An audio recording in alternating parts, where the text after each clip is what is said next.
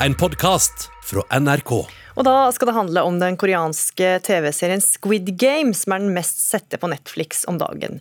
Men serien er omdiskutert pga. det voldelige innholdet. Nylig kunne vi lese at en rektor i Sandnes sendte varselmelding hjem til foreldrene fordi barna begynte å herme etter noen av scenene i friminuttet. Men TV-serien har også noe positivt ved seg. Antirasistisk Senter mener at den eh, kan føre til mindre rasisme. Også koreanere som bor i Norge håper suksessserien kan bidra til at gamle fordommer og stereotypier mot eh, asiatere brytes.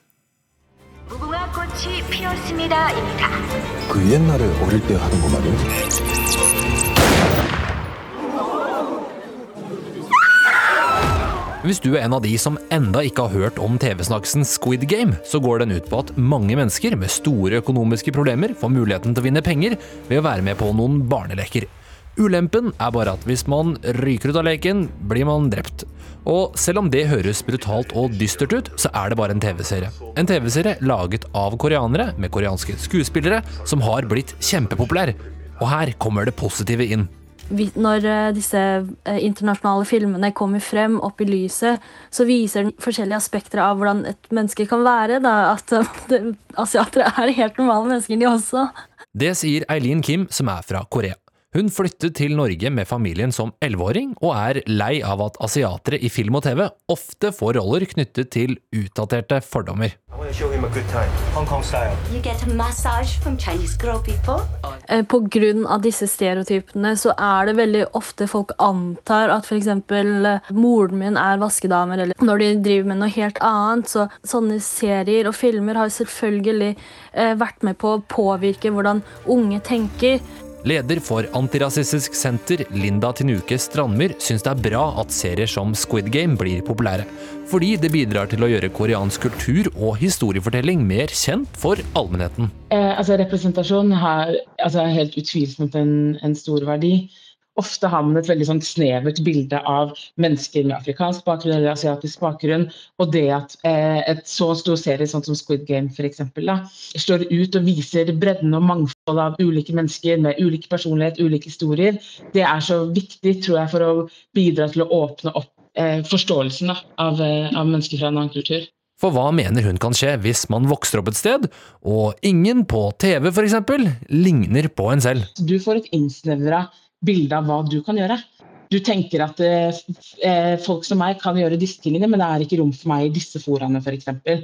Og det å tenke at du kan bli skuespiller eller at du kan bli produsent f.eks. når du har flerkulturell bakgrunn, for mange er det en helt urealistisk drøm, for du ser ikke det representert. Hvis du tror at dette med mangfold kanskje er et problem andre steder, men ikke i Norge, verdens beste land i alt, så mener Strandmyr noe annet. i eh, norske filmer eh, og norske TV-serier er eh, dårlig. Og det handler ikke bare om representasjon i form av hvem som er hovedkarakterer, men det er også hvem som produserer og hvem som lager filmer. Og det har noe med hvem er det som eier historien, og hvem får lov til å formidle historien. I Norge er det nesten ikke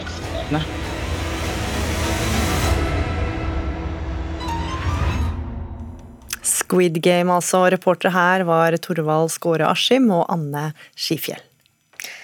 I dag er det FNs internasjonale jentedag.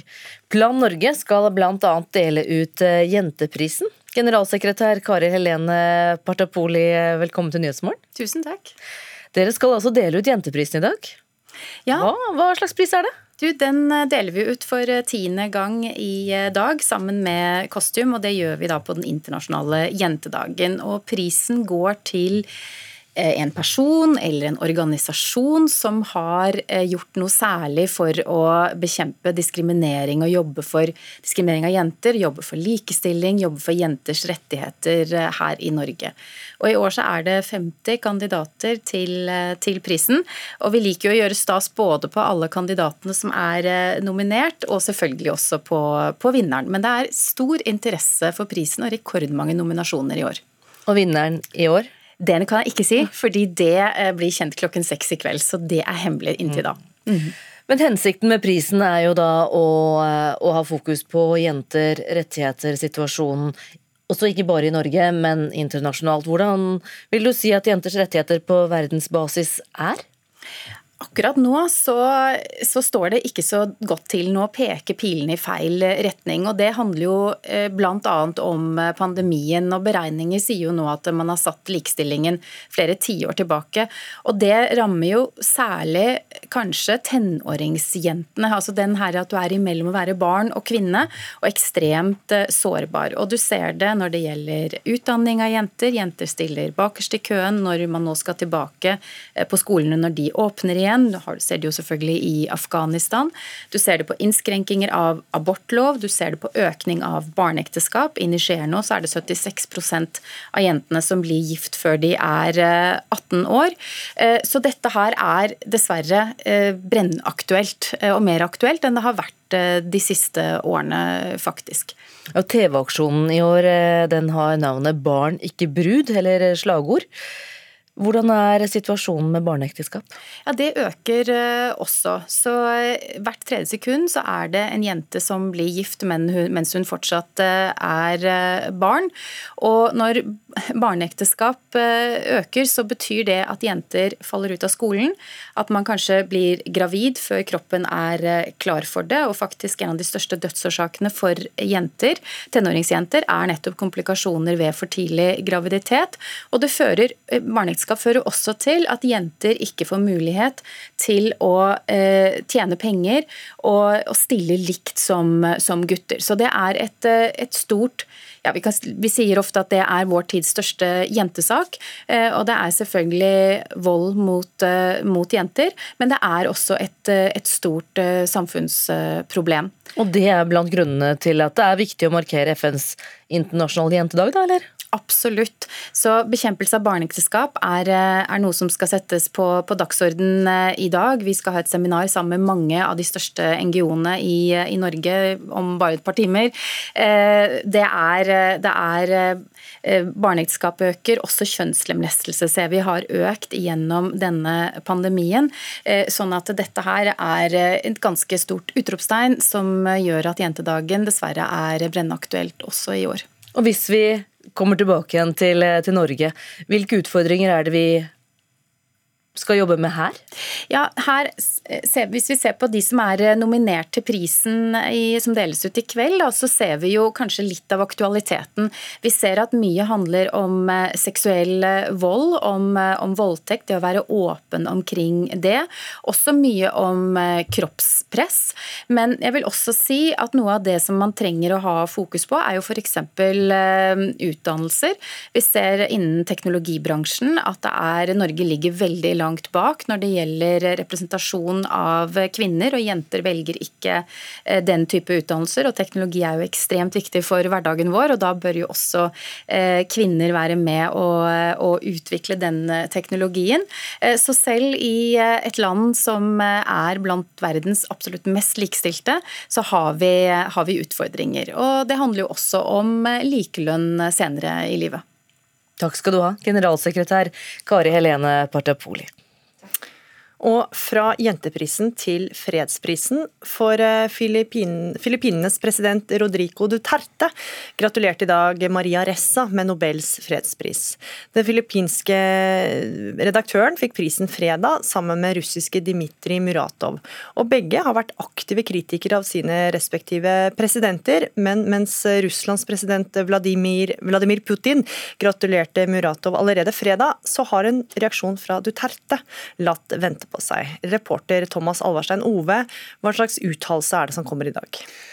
Gratulasjonen den kom på en pressekonferanse tidligere i dag. De ligger litt foran oss i Filippinene og har vært våkne lenge allerede. Det var riktignok en talsperson som kom med budskapet på vegne av eh, presidenten, men tross alt en anerkjennelse av prisen. Det er en seier for en filippiner å få en slik pris, og vi er glade for at hun får den, sa talspersonen. Men han understreket at eh, pressefriheten den lever i beste velgående på Filippinene. Mm, hvorfor var det viktig å poengtere, mener du? Maria Ressa har vært spesielt kritisk til Dutertes måte å styre landet på. Nettstedet hun leder har skrevet mye om hans blodige krig mot narkotika, korrupsjon og maktmisbruk. Um, og Dutertes målrettede bruk av sosiale medier for å sverte politiske motstandere. Alt dette har ført til at hun stadig må møte i retten og kjempe for journalistikken sin. Presidentens talsperson understreket også at eh, Maria Ressa fortsatt må renvaske seg i retten. For eh, hun er for tiden løslatt mot kausjon eh, etter at hun anket en dom på seks år for ærekrenkelser. Og dette er langt fra den eneste rettssaken hun har stått i mot regjeringen. Samtidig så benekter regjeringen at eh, den bruker rettssystemet til å forfølge kritikere. Så kan vi jo legge til at eh, Rodrigo Duterte tidligere har omtalt Reza og journalistene hennes som et arnested for eh, såkalt fake news, og for å være agenter for CIA, noe hun selvfølgelig avviser. Ja, så Hvorvidt pressefriheten lever i beste velgående kan diskuteres. Så Hvordan reagerte Maria Ressa selv da på gratulasjonen? Hun svarer eh, med å oppfordre Duterte til å droppe splitt og hersk-politikken han fører. Ikke riv oss i filler, foren nasjonen, sier hun. Mm. Thomas Alverstein Ove, takk for den oppdateringa. Vi er eh, halvveis i eh, spillhøsten 2021. I forrige uke ble to av de største forhåndsfavorittene lansert. Det er altså snakk om oppfølgere i langvarige og svært populære serier, nemlig Nintendos Metroid Dread og Ubisofts Far Cry 6. Spillkritiker Rune Fjell-Olsen, du har anmeldt begge to, og ifølge anmeldelsene så er det lett å se at du foretrekker den ene fremfor den andre?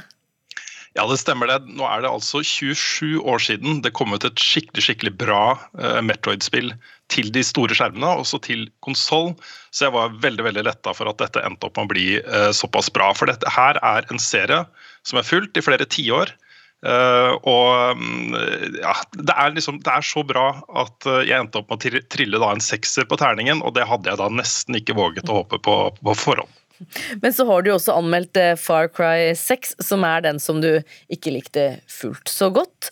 Det er en oppfølger i en populær serie, det også. Det spillet det gir du terningkast tre.